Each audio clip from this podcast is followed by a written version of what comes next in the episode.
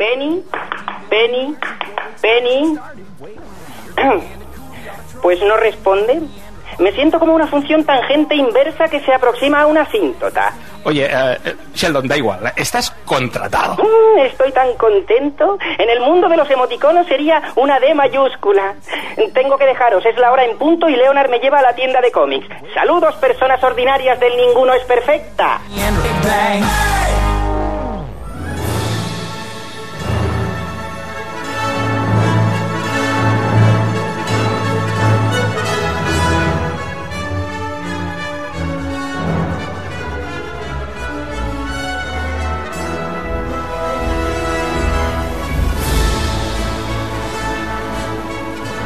Què tal? Benvinguts al Ningú no és perfecte, el programa de cinema còmics i sèries de televisió que us acompanya, com és habitual, cada setmana avui amb una jornada màgica, una jornada amb bèsties estranyes. Eh, intentarem catalogar avui en el programa i és que avui, entre de les coses que farem, parlarem molt i força d'aquesta pel·lícula Bèsties Fantàstiques i on trobar-les, que s'emmarca dintre de l'univers eh, Harry Potter i creiem que és una estrena prou important. Eh, parlarem una mica de què ens ha semblat aquesta pel·lícula i que, que de fet no està mm, basada exactament en un llibre concret. De fet, és la mateixa Rowling que ha escrit el guió de la pel·lícula i l'ha concebut la història com una pel·lícula. En parlarem una mica d'això i de moltes altres coses. Farem estrenes, històries i tenim una convidada especial, experta en el món de Harry Potter, que és la Mireia Blasco, que és actriu de, de Dracònia, directora també d'aquesta companyia. Benvinguda, Mireia. Moltes gràcies. Molt contents de, que, de tenir-te aquí, de que ens il·lustris en aquest món de Harry Potter, que ets una experta total, que m'ho han, han xivat, eh? Home, experta, experta no, però és un món que, que em va agradar des del principi, des dels primers llibres de Harry Potter, encantada quan van començar a fer les pel·lícules i esperant amb canderetes cada vegada que sortia una nova pel·lícula, imagina't la il·lusió que feia mm. rebre la d'Animales Fantàsticos. Sí, fora de micro ens explicaves que et dediques també a dissenyar varetes, o sigui, clar, que la gent vol... li fa il·lusió tenir una vareta de Harry Potter, on ha d'anar? Eh, clar, no, eh, això és una cosa una miqueta especial i això sí que ho vull matitzar. Jo no faig les varetes de Harry Potter. Hmm. A veure. La tienda del dragón dorado, que és sí. aquest invento que, que vam fer ja farà, potser farà 3 o 4 anys, que vam començar amb aquesta, amb aquesta història de manera doncs, per passar l'estona una miqueta com a hobby i al final, doncs, fixa't, eh, t'ha desembocat amb una mena de botiga i tot, al mhm. Facebook em podeu trobar. Eh, fem les varetes personalitzades. Ui. Sí, sí.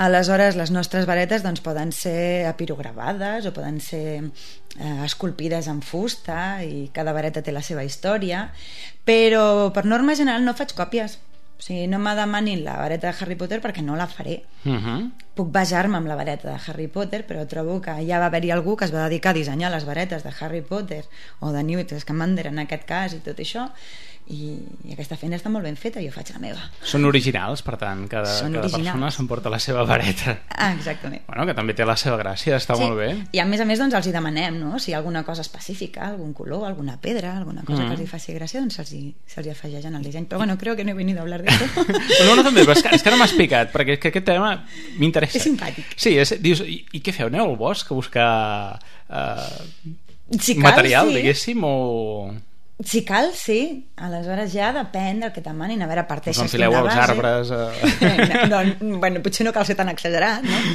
Però, bueno, parteixes d'una base de d'una vareta normal sí. de, de fusta i a partir d'aquí, doncs, el disseny que vulguis, un disseny floral o animal, se li fan aplics amb fimo o, o amb fang o uh -huh. amb el que faci falta. Molt bé i sí, de vegades doncs, te'n vas a buscar pedretes en algun lloc o trobes, de fet tinc cosetes a casa per anar afegint en, el, en els dissenys. N'hi ha que ja estan fetes n'hi ha que es fan exactament com la persona la demana o per fer un regal. Uh -huh. i una de les coses curioses jo penso, el, el més interessant de les nostres varetes és que a més a més doncs, a part els expliquem una mica d'on han sortit els materials. Molt bé però a nivell fantàstic, evidentment, no? potser, jo què sé, si hem fet servir el nervi del cor d'un drac oh. o la ploma d'un fènix. I em diràs on l'has trobat. Ah, això sí Secrets professionals. Dir, evidentment.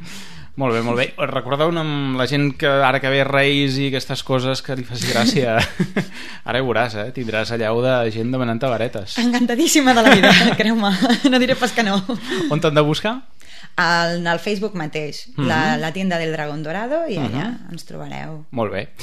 Ara d'aquí una estona començarem a parlar d'aquesta pel·lícula. D'entrada, i per fer una mica d'aperitiu, bé, eh, malament, eh, regular... A veure, molt bé.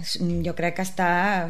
Bueno, les expectatives les ha cobert mm, molt bé. Uh mhm. -huh potser hi ha cosetes, però, però jo vaig sortir encantadíssima. A més a més, va ser un dia molt especial per nosaltres. Uh, vam anar al, a l'estrena a Barcelona amb tota la gent sí. vestida i eh, de mags i hi havia tota la ah, gent de Hogwarts i hi havia, evidentment, Era una preestrena. Una estrena molt xula i, i tothom va sortir encantat, la veritat és que sí amb mm. petits detallets, però molt bé en general molt bé, ara en parlarem d'aquí una estoneta nosaltres eh, començarem a parlar una mica abans de les estrenes d'aquesta setmana però abans també et saludo tu, Marta Sanz, què tal, com estàs, Marta? Molt bé, estava escoltant, què tal? estava escoltant la, la tienda del dragón dorado, dorado. estava ja fent encàrrecs mm. tu ens mentals sí, ens explicaràs per això aquestes eh... varetes tenen eh, efectes màgics? només si ets mag. Ja, Aleshores ja depèn bé, de tu. Mm, d'acord. Abans... Farem algun curs intensiu. Això no, no, hauràs de fer un no curs. No passa res. Si més no, avui de què ens parlaràs? Doncs avui porto el càsting d'aquesta pel·lícula Bèsties Fantàstiques, etc etc. Mm. Um, IMDB li posa un 8. Bueno, però IMDB... És generós sempre. Sí. A mi com... És que no vull parlar encara. Mm. Ja hmm. parlarem a la tertúlia. Uh -huh. Bueno, tu ets una mica així. A mi m'ha agradat, eh, la pel·lícula. Sí, també... Jo crec que est, est, eh, els 40 no m'han sentat bé, llavors he sortit ja d'aquest món fantàstic i m'ha costat molt entrar, és a dir, trobar-li la novetat a la pel·lícula m'ha agradat molt veure l'Ed Redmayne i el Newt Scamander que hi veia la Stephen Hawking també en alguns moments, tot s'ha de dir sí, perquè potser sí que se li ha enganxat algun tic de com va fer la pel·li de... alguna ganyota sí. de... amb tots els Sí, perquè és un individu, és, és un personatge així una mica estrambòtic, no? Una mica...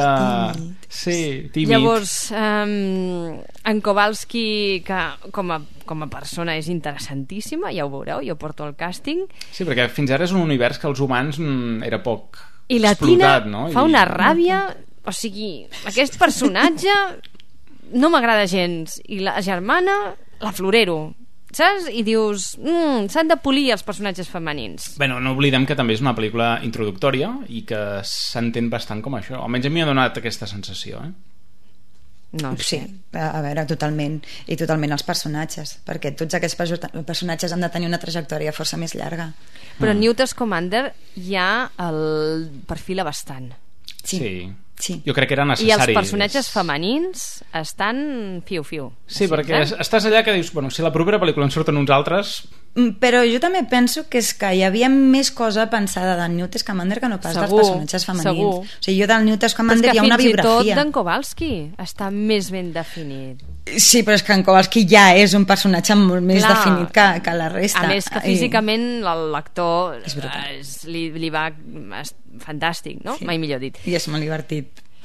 No sé, bé, són les meves petites queixes d'una pel·lícula màgica i fantàstica que tant el nen com el gran van sortir encantats i jo vaig ser la punky de, de Home, la sessió. Els, els, els nens és una passada veure tot això. Mm, de totes maneres, jo tinc un petit, una petita incís, incís a fer i és que jo també tinc els 40 i jo estic encantada de la vida, sí. eh, xata? O sigui, que no em vinguis amb el rotllo de que els 40 t'han sentat malament, això perquè és una excusa, no, és una no excusa, excusa.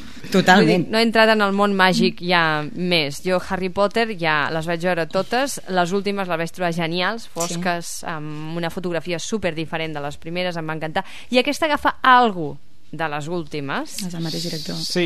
Però... Clar, de, també hem de... Ens estem avançant, eh? Però bueno... Sí. ens hem començat... Això no havia de ser després? Sí, havia de ser després. Però, bueno, ja que hi som no hem d'oblidar que Harry Potter potser era un creixement de pel·lícules més infantils a més adultes i aquí és que no hi ha protagonistes infantils, tots són adults i per tant una mica ja agafa aquest to que intenta anar una mica entre pel·lícula més adulta amb elements fantàstics o sigui, intenta agafar-ho tot, no? Mm, no sabria què dir-te.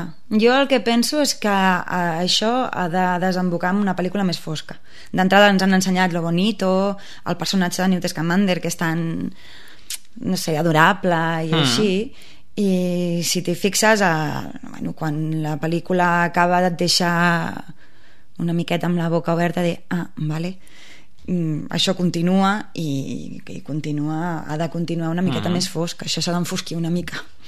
Sí, ja Val, és, esperarem. Ja és una mica aquesta la tònica de, de, de la Rowling sí. fins ara, no? Mm.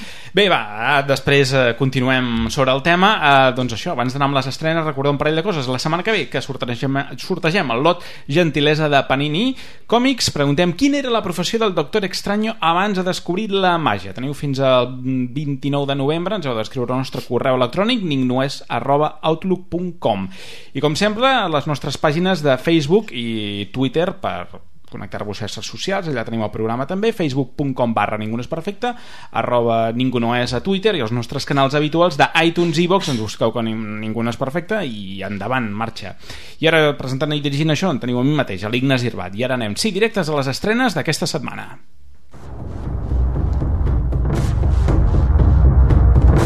Estrenes, tertúlia i notícies a la gran pantalla.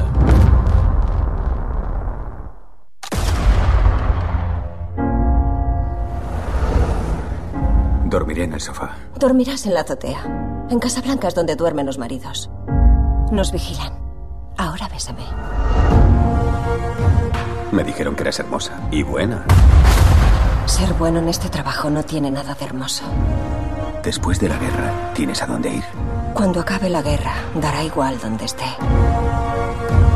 La vida nos ha unido. Ven conmigo a Londres. Cásate conmigo. Te quiero con todo mi corazón. No hay otra forma de decir lo que vamos a decir. Sospechamos que su mujer es una espía alemana. Eso es una locura. Si tiene razón, olvidaremos todo esto. Pero si lo es, la ejecutará con su propia mano. Si no obedece, será ahorcado. Dentro de 72 hores lo sabremos con seguridad. Això que escoltem és Aliados. Eh, després que l'any passat estrenés The Walk, Robert Zemeckis, el director de Regreso al Futuro, dirigeix aquesta pel·lícula de suspens amb elements romàntics ambientada durant la Segona Guerra Mundial, protagonitzada per Brad Pitt, Marion Cotillard. Completen el repartiment Jared Harris, Lizzie Kaplan i Matthew Wood. La història és la de Max, un espia britànic que després d'una perillosa missió al nord d'Àfrica s'enamora de Marianne, una agent de la resistència francesa. La parella comença una relació amorosa i no tarden en casar-se i formar una família. Els problemes comencen quan a Max li notifiquen que la seva dona és en realitat un agent doble que treballa pels nazis. En aquest moment Max començarà una investigació per descobrir la veritat sobre la seva esposa. El guionista és Steven Knight, creador de la sèrie de la BBC Peaky Blinders. I per confeccionar el vestuari dels protagonistes, l'equip de producció diu que s'ha inspirat en Casablanca. Aliado s'ha rodat a Canadà, Gran Bretanya, França i, atenció, també a les Illes Canàries. ¿Qué tal va? Bien. Vale. Enséñaselo a papá. No he acabado. ¿Has hecho un gran trabajo? Empieza el show. Usa tu material. Mi papá es Mike. Trabaja en una plataforma que saca petróleo del fondo del mar. Somos exploradores. Como Dora. Como Dora.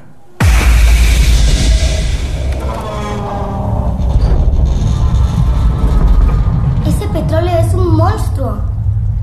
Antes, ese petróleo era un montón de dinosaurios malos y durante 300 millones de años esos viejos dinosaurios se fueron apretujando más y más y más. Lo pillamos, pon solo dos y más. Y papá y sus amigos agujerearon el techo. Los dinosaurios malos no podían creerlo. Somos libres. Corrieron hacia el agujero. Això és Marea Negra, pel·lícula que ens narra el desastre ecològic més gran de la història dels Estats Units. A l'abril de 2010 es va produir una explosió en la plataforma petrolífera Deepwater Horizon, que és el títol original precisament de la pel·lícula, que va causar la mort d'11 persones i el vessament de 750 milions de litres de cru en el golf de Mèxic. Dirigeix Peter Berg i la protagonitzen Mark Wahlberg, Carl Russell, John Malkovich, Kate Hudson i Dylan O'Brien, un repartiment força atractiu. Aquesta és la tercera col·laboració entre Wahlberg i Berg després de l'último superviviente i Patriots Day, aquesta última sobre l'atemptat terrorista en la Marató de Boston al 2013, la qual s'estrenarà a principis de l'any vinent. La producció ha anat a càrrec també de Mark Wahlberg a través de la seva productora Leverage Entertainment. Marea Negra incideix en les conseqüències de posar per davant els resultats econòmics per sobre la seguretat que va portar els responsables a infringir els controls protocolaris i ignorar alguns tests amb conseqüències catastròfiques.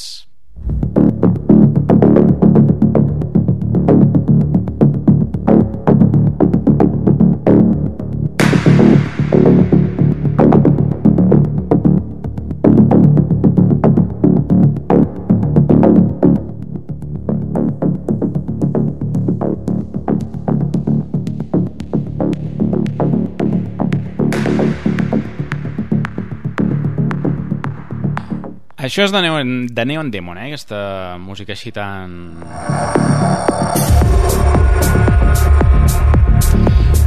Atenció, aquesta és la nova pel·lícula de Nicholas Winding Refn. Eh? Uh, si teniu ganes de... Eh? Ja sabeu, a veure. Què li ha passat a aquest director danès? Uh, com és possible, això és una reflexió personal que em faig jo, eh? que després de grans pel·lícules com Bronson, Valhalla Rising i Drive, per mi la seva obra mestra, hagi signat productes, això sí, visualment hipnòtics i atractius, ell domina el visual a la perfecció un 10, la música també, com a pel·lícules com Solo Dios Perdona o en aquesta de Neon Demon, que narrativament, això sí, són un zero i que destilen una petulància, un ego i una pretensiositat que no estan a l'alçada del producte que presenta. En, en fi, em sap greu, eh, perquè aquest senyor a mi abans m'agradava, allò que es diu. En fi, Winding Refn, que va realitzar diferents anuncis per Gucci, tenia ganes de parlar sobre la bellesa. La resposta és de Neon Demon, que el mateix Refn defineix com una pel·lícula de terror sense el terror. El Fanning interpreta a Jessie, una jove de 16 anys procedent de Georgia, que arriba a Los Angeles per fer realitat el somni de ser model. La bellesa natural de Jessie desperta ràpidament l'interès de l'agència de models de Roberta Hoffman, que interpreta aquí la Christina Hendricks, l'actriu de Mad Men i que ja havíem vist també a Drive, en contraposició a les models de bellesa més canòniques que no tardaran a veure en Jessie una amenaça. El repartiment el completen Jenna Malone i Keanu Reeves, que Keanu Reeves, el paper que fa aquí en aquesta pel·lícula, sincerament, mm, no l'acabo d'entendre, perquè surt molt poc, i, bé, en fi, és igual. Si la veieu ja, ja, ja m'ho explicareu. Perquè es feu una idea del que veureu, de Neon Demon eh, prem l'accelerador en el tram final cap un surrealisme incomprensible i sense sentit que no avergonyiria el David Lynch més embogit. One, two, one, two,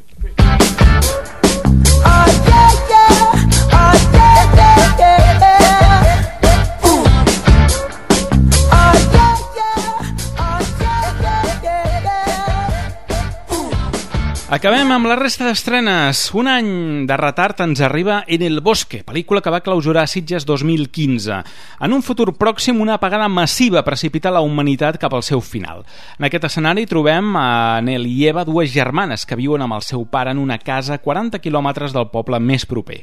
Empeses per les dificultats per sobreviure, les dues noies hauran d'enginyar-s'ho per lluitar contra la fam, les possibles malalties, els saquejadors i la seva pròpia soledat. Page i Evan Rachel Wood són les protagonistes d'aquest thriller apocalíptic. Seguim en Give Danger, documental dirigit per Jim Jarmusch sobre la banda Iggy Pop and the. Eh, tanquem amb les propostes de cinema espanyol de la setmana. La primera, La reina d'Espanya, segona part de La niña de tus ojos, la qual torna a comptar amb la direcció de Fernando Trueba i Penélope Cruz com a actriu principal.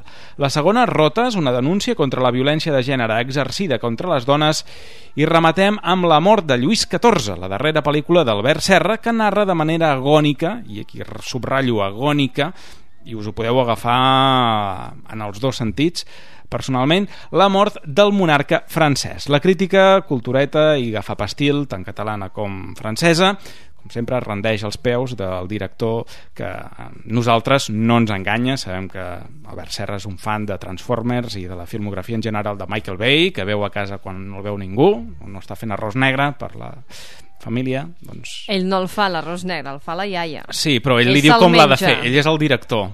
Posa-li més sal, posa-li més sal, no deia això? Ha agradat a, a molta gent, Ignasi. Sí, Aquí sí. li fem boicot i no el tindrem no, no, mai a l'estudi. Jo, per què no? Per què no? Sí, sí. Jo, mi, jo no tinc ganes de conèixer aquest personatge. personatge, sí, sí.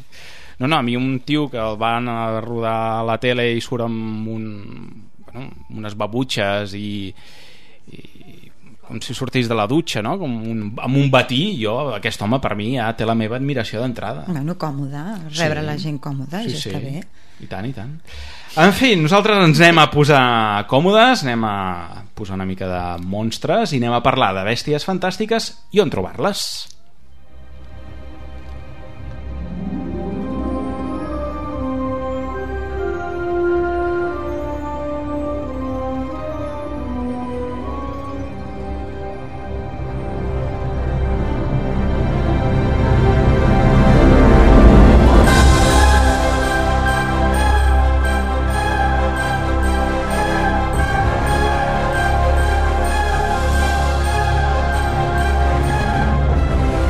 Música m'ha encantat, eh, d'aquesta pel·lícula. Sempre. I això que em feia por, perquè, clar, veníem de John Williams, que fins ara havia posat ell el tema, fins i tot les primeres notes d'aquesta pel·lícula són les notes de Això Harry és el que Potter. t'anava a dir, que conserva molt el mateix, eh, Mm. no sé, el mateix tarannà que Harry Potter. Sí, sí, sí. És James Newton Howard qui ha fet la banda sonora i la Mhm. veritat és que molt bé. Totes les peces tenen personalitat i aquest Encaixa. inici...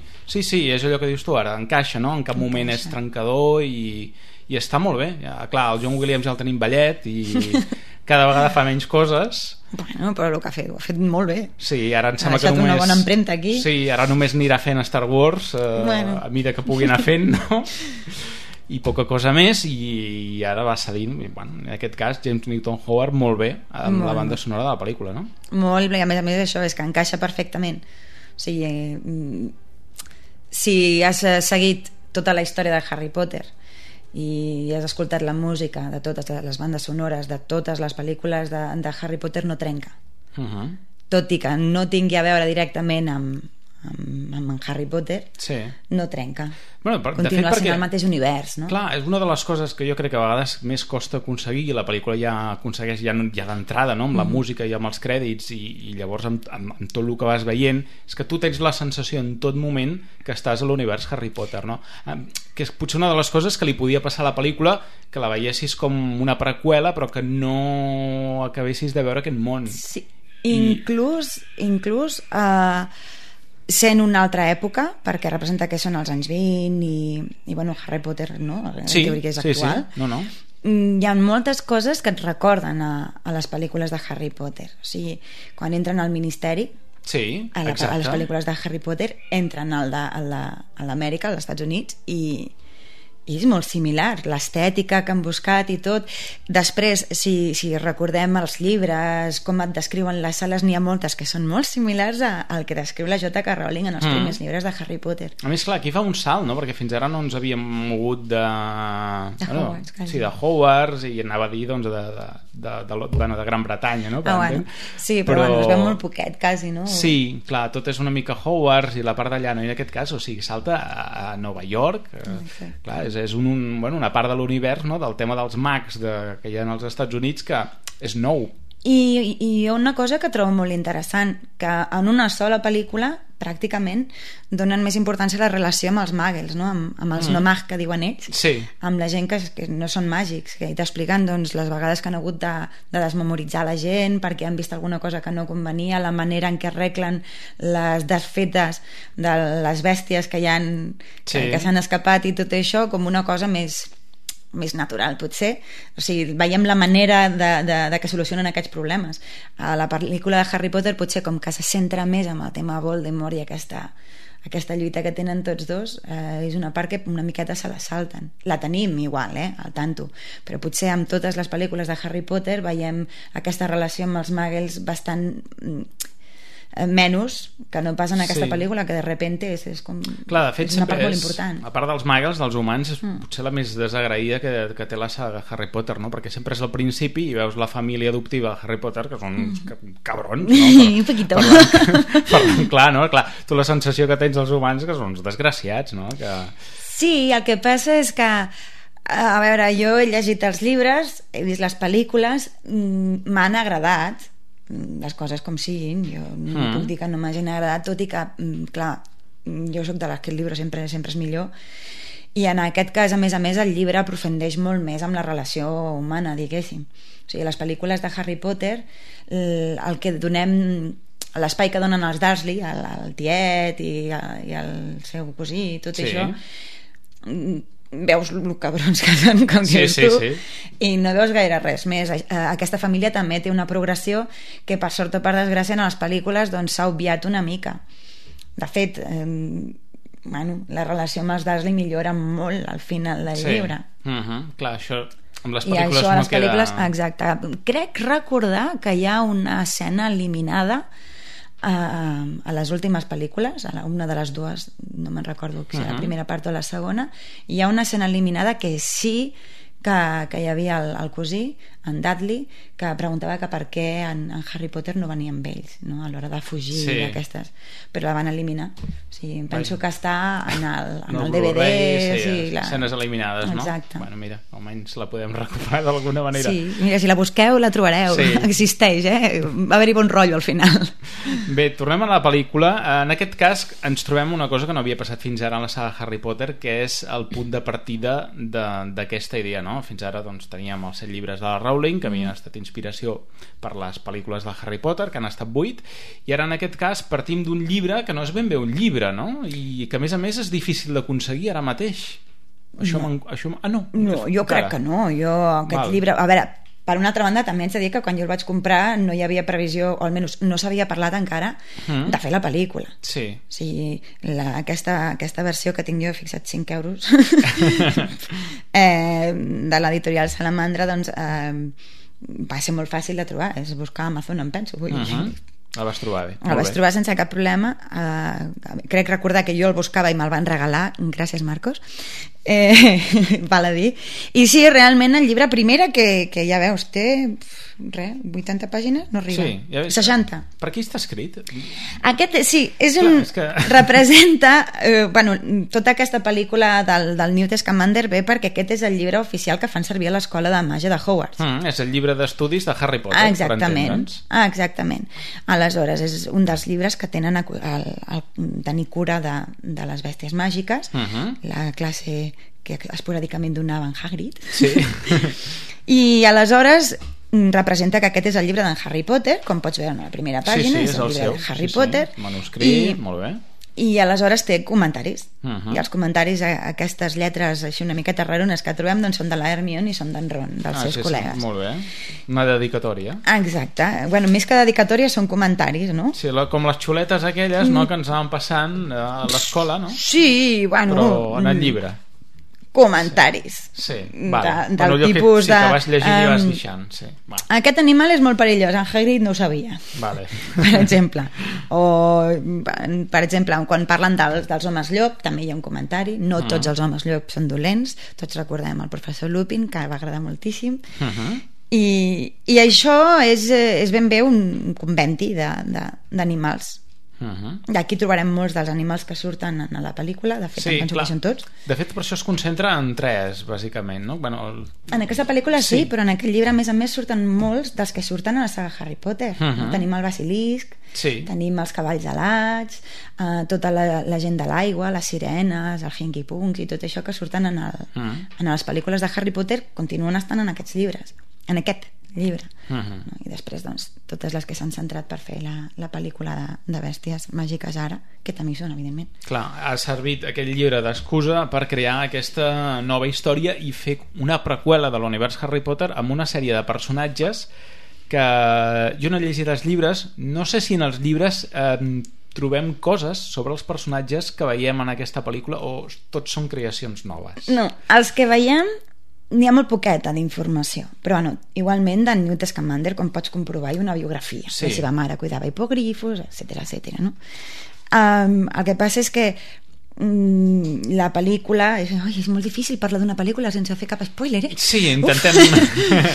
doncs hi ha un personatge eh, molt important, un personatge super obscur eh, que s'esmenta al principi Que no és Voldemort. i que no és Voldemort Voldemort mm. encara no havia nascut em penso Imagina't.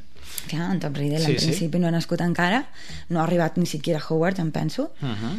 Um, doncs és un personatge que era molt amic del director de Howard i, i aquest personatge surt, surt poquet però surt i jo penso que és el que ens ha de donar l'obscuritat de les següents eh, mm. les següents eh, entregues de, de, de les bèsties fantàstiques I, és que jo penso que potser la, la, acabarà la pel·lícula en un moment que en certa manera enllaci eh, això ja són ja especulacions meves sí. no?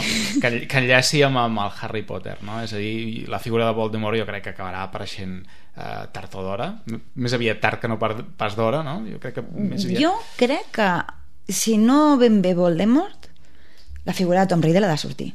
Sí, sí, sí. Ha de sortir perquè, perquè li queda relativament poc. Mm.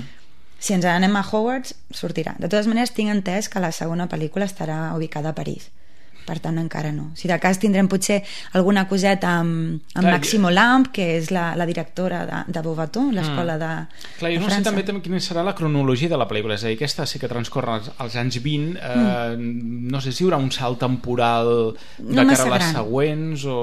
Tinc entès que la següent encara el salt no, no, és, massa, no és massa gran. Uh mm-hmm. -huh. Em penso que aquesta està ubicada al 27 doncs eh, compta que són els 30 el Newt Scamander arribarà o arriba a ser en algun moment o es menciona els llibres director de Hogwarts no. o professor o...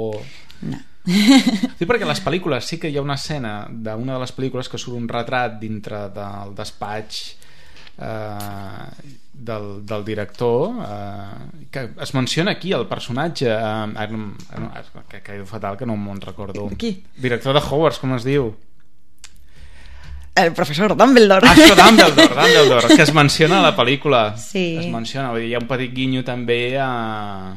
Doncs en el despatx de Dumbledore, de Dumbledore, no sé si a la primera pel·lícula surt una foto, una menció, un retrat així fet de Newt Scamander. Mm, no, com a director de Hogwarts crec recordar que no, però a veure, també em puc equivocar eh? no, també ho poden canviar de cara a les pel·lícules fent que... jo crec recordar que Newt Scamander no arriba a ser director mm -hmm. de Hogwarts el que passa és que sí que és, va ser alumne va estar a punt de ser expulsat sí, això ja a la pel·lícula ja en es la parla pel·lícula eh? s'explica no? Uh mhm. -huh. I, i bueno, va ser en, en Dumbledore qui va parlar positivament d'ell per a, perquè es quedés a l'escola sí. com a un eh, brillantíssim alumne eh, de zoomagia no, no, de fet ja el veiem a la pel·lícula amb, els, amb la seva maleta que no sé... genial, que quasi quasi és un personatge en si mateix Home, la maleta. La, la maleta sí, és, és, qui no vol una maleta com aquestes, no? que tu et fiques a dintre i vas a parar en un altre món bueno, és un portal, no? no deixa de ser un portal màgic Sí, sí. De fet, aquí la, la J.K. Rowling s'ha tornat a superar a nivell d'imaginació. Mm, és fantàstic, és, és, és molt maco. A més a més, mm, trobo, això sí que és una opinió totalment personal, que està molt ben trobat. Inclús hi ha moments que, que veus com l'escenografia belluga uh -huh. i, i belluga amb, amb, amb, amb la imatge d'una altra, altra zona.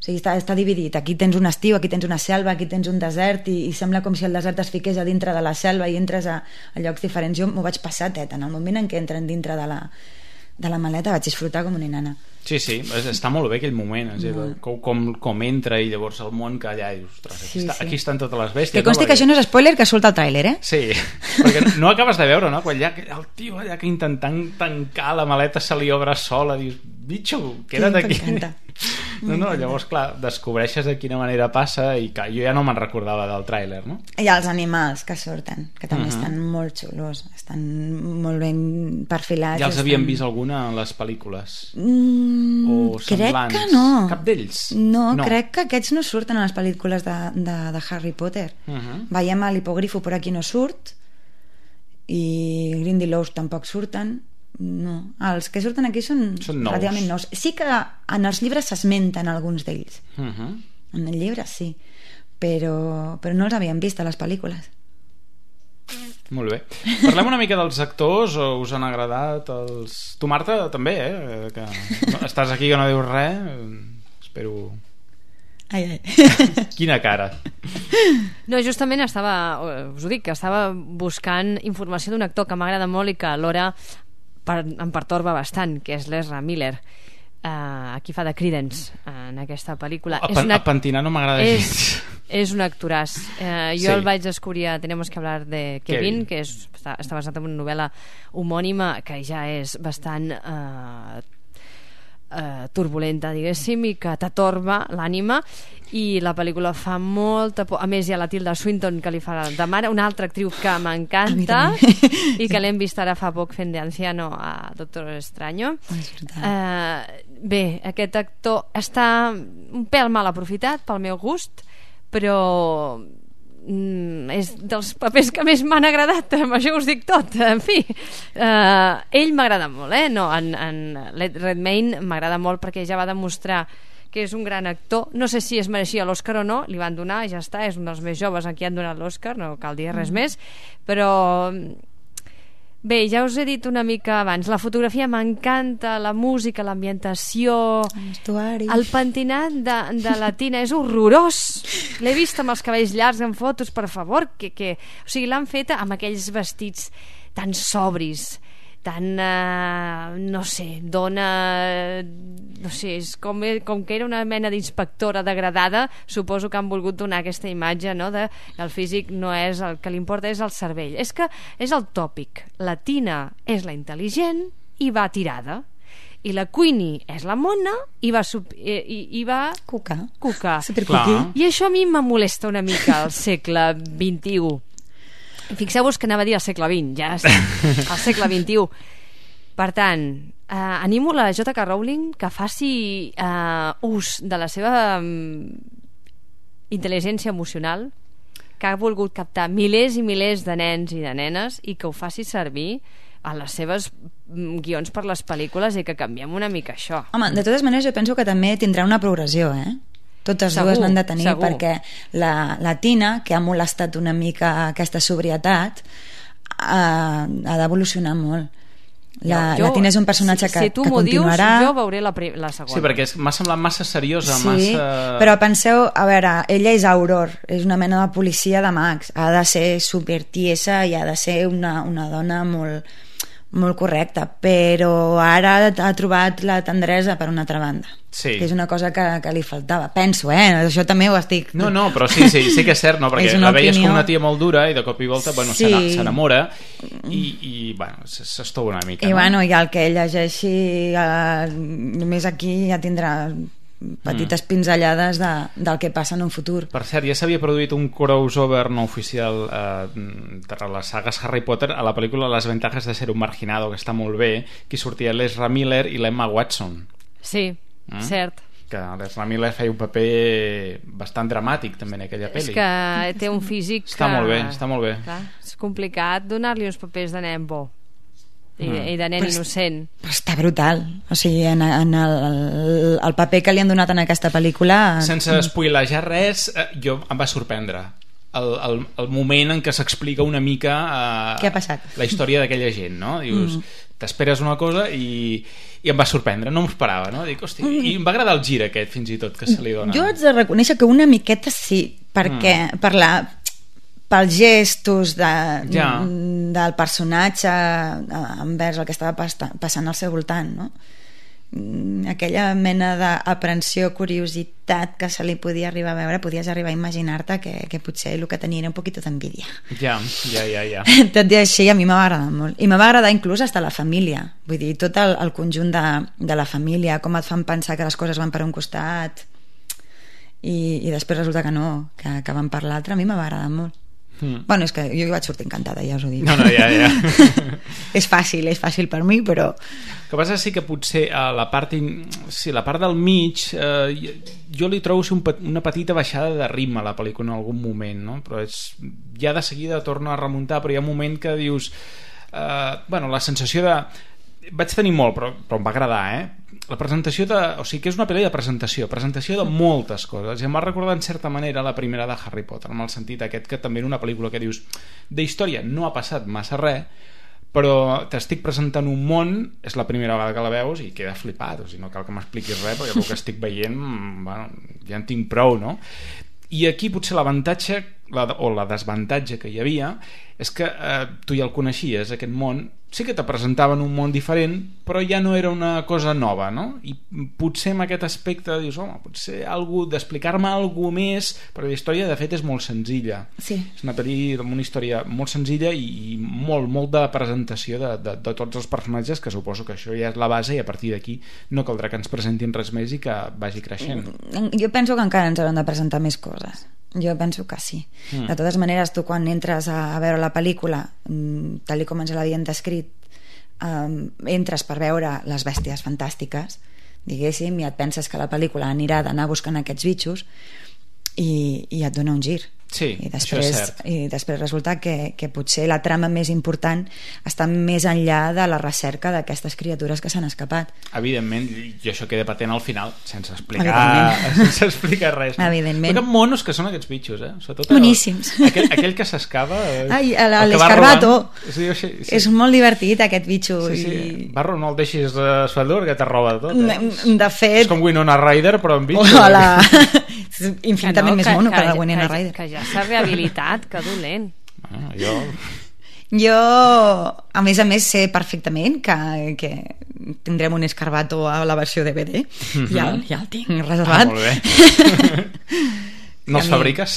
No, Aquests no, no. no els fabrico. Fem servir la seva pell. Ah, molt bé. Ai, pobrets. Sí, bueno, un cop morts. Ah, vale, val. No, no, No matem cap bitxo. molt bé. Són bona gent. Ara vas fer patir. A l'ava de cadàver no se'ns dona fatal, a les nostres varetes no tiren. Uh -huh. Què més? Uh, ja per anar acabant potser amb, amb aquesta part de presentació de la pel·lícula uh, jo de moment m'he quedat amb ganes ja de la segona eh? és a dir, ja tinc ganes de dir bueno, mm, ve veiem una mica més que, cap on va aquí a més t'assenta molt, molt bé les bases de cara del que ha de venir de cara al futur i bueno, personatges que potser no t'esperaves o actors que s'acaben descobrint que no te'ls esperaves no? A mi m'ha agradat. Sense explicar, eh? A, tu, a mi no. bueno, tinc bueno. els meus dubtes. No és Com que no que- m'hagi agradat, és que tinc els meus dubtes.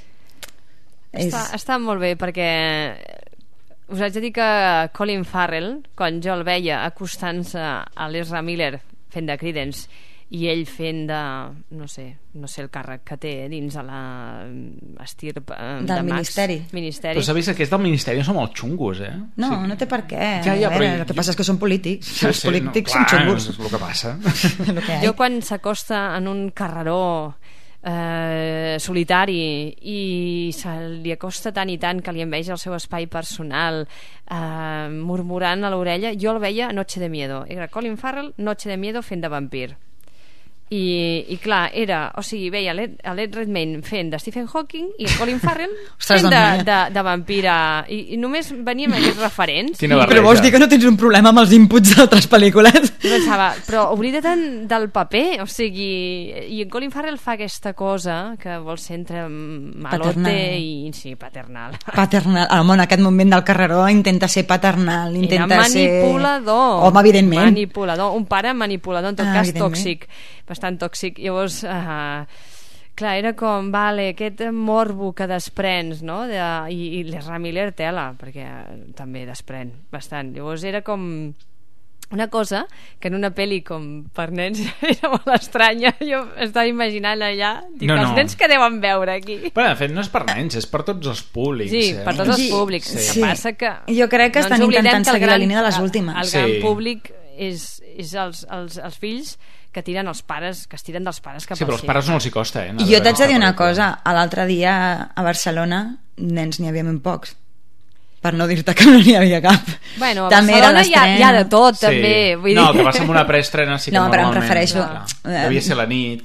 Sí, Clar. de fet era la nit i també has de pensar, o almenys és la meva manera de pensar que els nens que van començar amb Harry Potter ja no són nens No són nens, sí, Mm. ja tenen 30 i... és el que, el que veies en moltes imatges en el, en el Facebook, en les xarxes socials la imatge de que Harry Potter i la pedra filosofal, un piló de nens amb la vareta i suatita ui, ui, ui, ui, i, i ara resulta que bèsties fantàstiques i on trobar-les i són els mateixos nens amb la mateixa bata i la misma varita però amb, què, 30 anys? Sí, sí, no, no, sí, jo tinc una companya de, de feina que és una fan de Harry Potter. Jo. A banda de, de tu, vull dir que hi ha més gent i dones fans de Harry Potter, vull dir que li encanta, i l'últim de la Rowling se l'ha llegit, ja se l'ha polit. mm, però no, només vull dir que, que té aquesta pel·lícula en alguns moments té eh, situacions molt còmiques i en d'altres situacions que són més eh, dramàtiques, perverses perquè hi ha una escena bastant perversa sí. sí, sí. en què amb ella la condemnen i, i la senten amb un sí, sí, amb, molt xungo, amb una sí, cadira sí. allò per un, per un infant és una imatge bastant Vull I, dir que sí que és per tots els públics cinturó. perquè sí, les escenes... L'escena del cinturó, del cinturó és, està molt ben feta perquè és molt subtil però al mateix temps molt cruel perquè no t'ensenya res i saps el que ha passat i saps el que, el que se suposa que ha de passar. sí, sí, sí.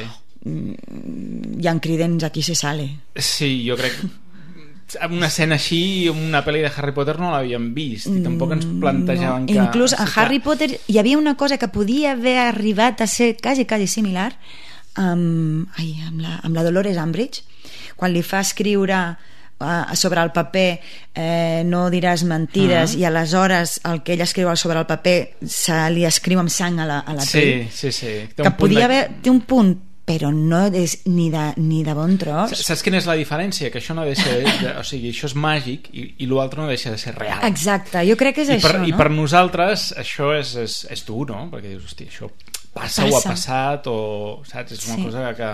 Però un cop més és el que comentàvem abans la relació que ens ensenya amb els, amb els no màgics ara mm. que potser abans no la veiem tant i, i ara eh, et mostra coses de, de la gent no màgica que són xungues i que s'arreglen a base de màgia. A mi m'ha encantat aquest aspirant a flaquer, que l'home només pot Ai, posar sí. una fleca. Va al banc, no li donen el crèdit normal, normal. Aquests bancs són... són Mala el, gent. I tant. Jo, el moment més celebrat és quan entra el bitxo allà i comença a saquejar la caixa forta. Sí. sí. un dalt, sí. Podria anar a la caixa a veure si, a veure si trobava... No, però ara ja no, ara ja tots els diners són virtuals, vull dir, ja van als bancs i tampoc trobaria res, el bitxo. Suposo que per això ho han fet als anys 20. Clar, això, això, això té més gràcia, no? Però, bueno, aquest personatge està, està molt bé, és un personatge humà, potser el personatge humà eh, més protagonista fins ara a la saga i jo crec que bastant celebrat, no? I... Sí, de fet, sí i l'actor jo no el tenia situat, ara ens explicaràs una mica, Marta, qui, qui és i, i això. Sembla bé? Anem per aquí? Doncs vinga, anem pel càsting.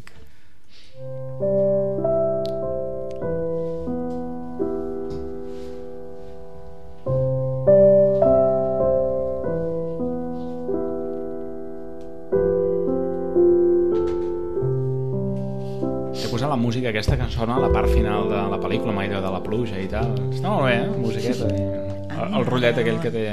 No, Aquella escena està molt bé. Al final és molt bonic. Sí.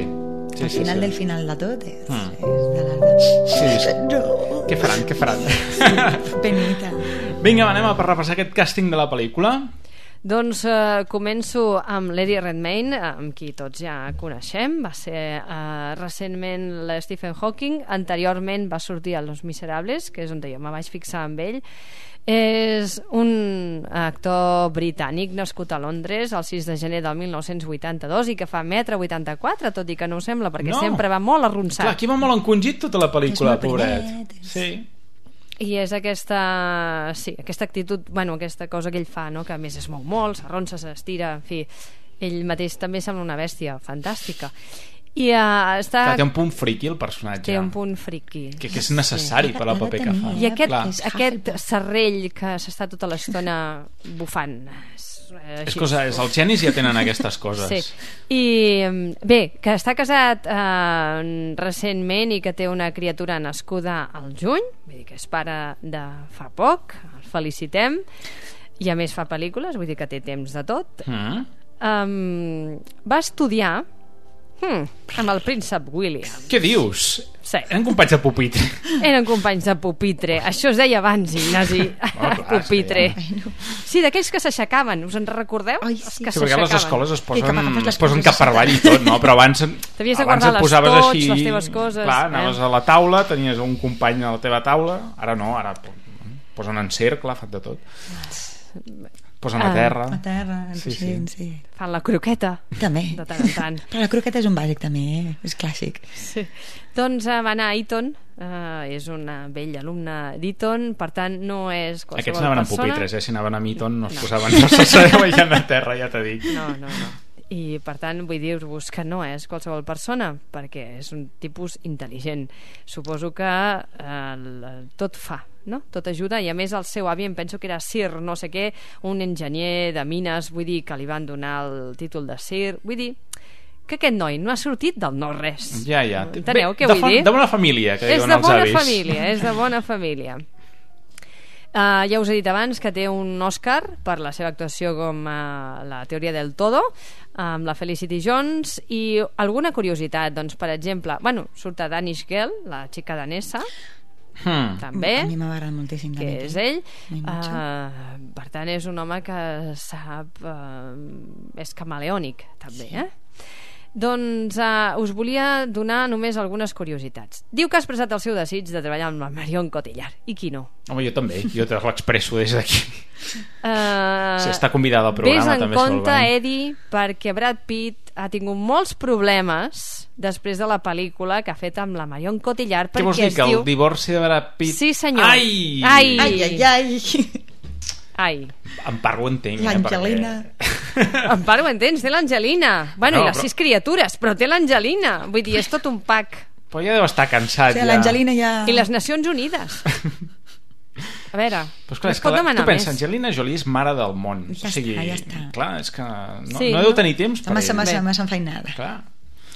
Bé, que a més és molt amic d'en Benedict Cumberbatch i que la gràcia és que els dos han eh, retratat, han portat a la pantalla el professor Stephen Hawking, un a Hawking i l'altre a la teoria del todo, un va ser el 2004, en fi, eh, són aquestes coses eh, gracioses. Que el van eh, fer, la, va anar a l'audició de Kylo Ren eh, per a Star Wars, el despertar Era, era de la massa força. guapo. En sèrio?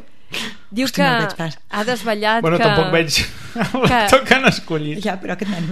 ha desvetllat que l'audició va ser horrible, no sabem en quin sentit. Uh, no sé si és que va veure en Darth Vader i es Jo va continuo, espantar. jo continuo dient que Han Solo i la princesa Leia no pot ser que tinguin un fill tan lleig. No és possible. tots dos, no? Hem de veure els avis. Hem d'anar una mica enrere Amb i veure els nas, avis. aquell nas no sé, la tren, Aquell ni pare és, ni de la és mare. És de l'avi d'ella, mira què et dic. Uh, llavors, O una de el, les el coses... pare de Darth Vader. Una de les coses que mm. també són gracioses, per exemple, és saber que mentre estudiava a la universitat eh, va fer l'audició per al paper de Tom Marvolo Riddle a Harry Potter, a la cambra secreta. Ah, mira. Però mai va rebre la trucada eh, del director de càsting. Millor, perquè si no l'haguessin agafat ara. Exacte. Veus, a vegades hi ha mala sort que és bona sort. Aquestes són les anècdotes del, del noi, perquè les altres coses, si voleu saber la seva filmografia, ho teniu molt fàcil. Jo, de totes maneres, aquest home el vaig conèixer quan va rodar los, los, pilares, los pilares de la Tierra, els pilars de la Terra, que, que va ser La sèrie. La Mm. sèrie, i ja me va agradar molt en ella. Es penso, ui, i el pelirrojillo este? D'on ha sortit? D'on ha sortit? No, de Jo no, jo vaig veure Los Miserables i... I a Los Miserables ja, també ja, està bueno, molt ja té un paper bastant important, home, sí, ella fa sí. molt bé. Ah, Los pilares de la Tierra va ser una mica d'abans. Mm. I també cantava, no? Era un, perso- era un, Sí. un actor que, Sí, canta, sí. que cantava. És que fa de tot. El que té Sí. anar a Eton, Mm. que segur que estava a I tenia un iaio Sir. Sí, un sí. uh, doncs ara parlem um, de la Catherine. Catherine Boyer Waterston. Ui, Quin... és un nom molt britànic aquest. Perdona, Catherine Boyer. jo Ui. no sé, aquí. Espero que no sigui família.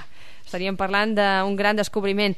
Uh, Tina és la que acompanya l'Auron, aquesta... Auror. mm, Auror, perdó, mm, policia, una mena de policia degradada perquè va cometre en principi una infracció eh, inadmissible en el Ministeri de la Màgia i eh, ella el que fa és treballar per tornar a, a, a recuperar la seva posició inicial. Doncs eh, fa metre 82, Cullera. Estan I no tots dos... Allà, allà, eh, sí, sí. un metre 84 que s'arronsa, l'altre metre 82 que la, que la vesteixen fatal i resulta que la Queenie fa metre 60 i poc i sembla la més alta Sí, És sí. la màgia del cinema Clar, sí senyor. I Aquí la màgia tot. d'uns tacons de 15 centímetres. També deu bueno, ser. tot és el cinema tot és màgia i tot val um, doncs eh, aquesta noia que l'he vist en fotos més agraciada del que surt a, a la pel·lícula té la mateixa edat que, en- que l'Eddie Ren, que, bueno, que el seu company va néixer el 1980 a Londres, Westminster, també tots dos britànics, i és actriu i productora. Eh, se l'ha vista a Puro Vicio, a Steve Jobs, feia de dona de, de Jobs. Steve Jobs és la de l'Adam Sandler, eh? Sí.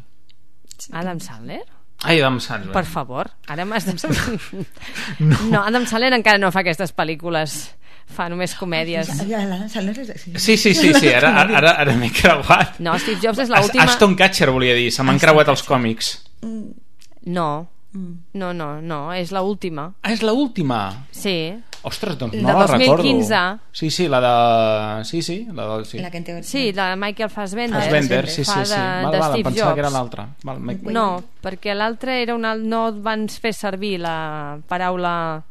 Era una altra, no, no Mhm. crec que no... Bueno, en fi. I Michael Clayton també hi sortia. Michael Clayton va ser una mica el seu debut, el 2007. Eh, va anar a la Universitat de Nova York. És que no hi ha gaire res més que explicar-vos, només... És que jo, molts d'aquests actors, la primera vegada que els veia. Jo en ella també. Mm. Bueno, i t- tampoc... Són gent que tampoc, suposo, si són britànics, depèn d'on visquis, no es prodiguen molt per... És que fa molt de teatre. Els... Fa molt de teatre. Sí.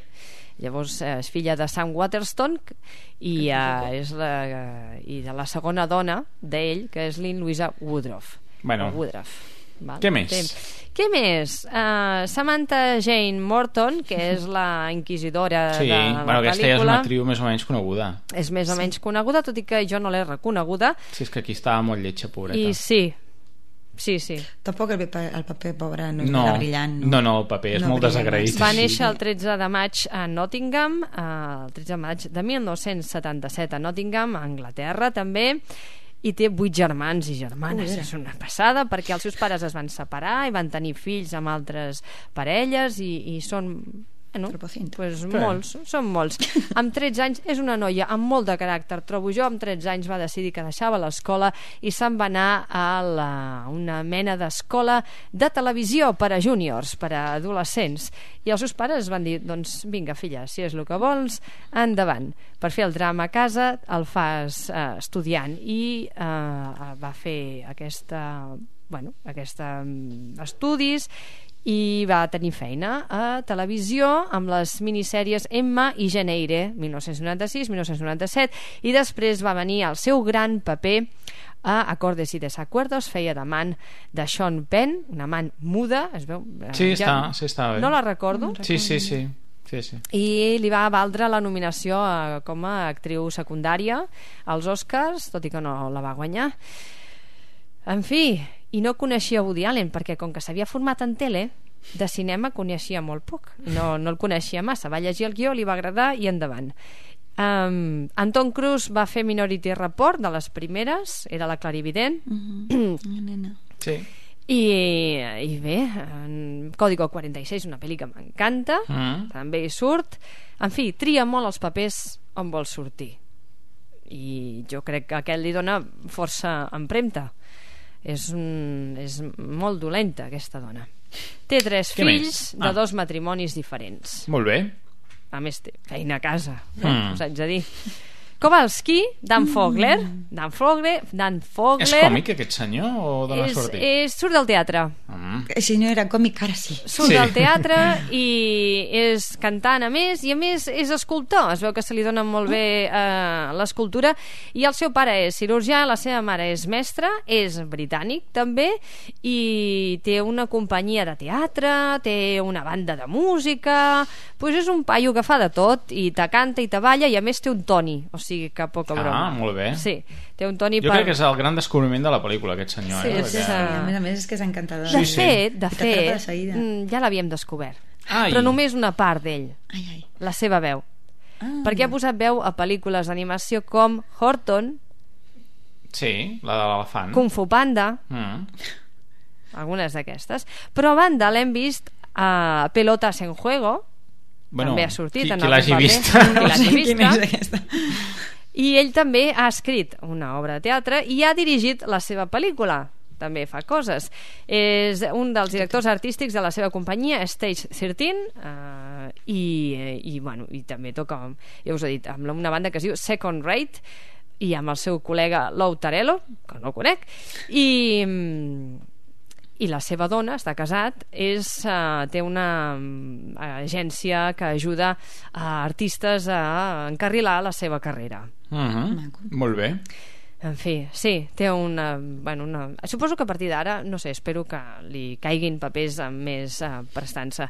I la Queenie, què us haig de dir? Tota ella maca, ella. no, no se sap ben bé és músic, música, és, uh, canta, és una uh, cantant indie, ha tret tres discos, si la voleu buscar, el seu tercer àlbum es diu Pines, Pines, i mm, es veu que està molt bé, va sortir a l'octubre de 2012, no fa massa, i a més és ambaixadora de bona voluntat de la uh, in, Unió Internacional per la Conservació de la Naturalesa i viu a Los Angeles. Va néixer uh -huh. a Seattle, aquesta és americana, ja se li nota, no, és un broma. uh, va néixer a Seattle... Sí, però té un, aquest punt de no, pentinat no, era, i glamour, era, té algú era que... perquè caiguéssiu sí. totalment... Uh, sí, no. és el glamour. I viu, viu a Los Angeles i fa metre 68, el que us deia. Uh -huh. La seva suposada germana, metre 80... I sembla al revés, eh? Sembla al revés. En fi, molt bé, fins aquí hem arribat. Uh, Déu-n'hi-do, el Déu repàs que hem fet a la pel·lícula. Moltes gràcies per venir i Mireia gràcies per convidar-me. Oh, tant, aquí estàs convidada sempre que vulguis. Avui ens ha encantat repassar una mica l'univers aquest de, de J.K. Rowling avui en el programa on ningú no és perfecte. Merci. Doncs nosaltres res, ens acomiadem, Marta, fins la propera setmana, que tindrem moltes més coses. Sí, parlaré d'altres coses, eh? Sí, la setmana que ve, um, atenció, un programa interessant, eh? Parlarem de La Llegada, que és aquesta pel·li de ciència-ficció que s'ha estrenat eh, la setmana passada i tindrem aquí en Miquel Barceló Així que... us puc parlar de programació neurolingüística? Sí, bueno, no sé si us, puc... us veu científics, tu i Miquel Barceló aquí fa Ui, un... però jo al cantó d'en Miquel sí, jo crec no que sóc res. cap de nosaltres aquí pujarem al nivell intel·lectual del programa perquè... És... Jo tinc una notícia per tu que et diré ara quan apaguis el micro. Vale. Quina emoció, off the record. Bé, doncs ja ho sabeu, nosaltres acabem. Jo mateix l'Ignasi Herbat m'acomiado i us deixem amb un tema de Neon Demon. Sia amb el tema Waving Goodbye. Nosaltres això, Goodbye. Is holding your But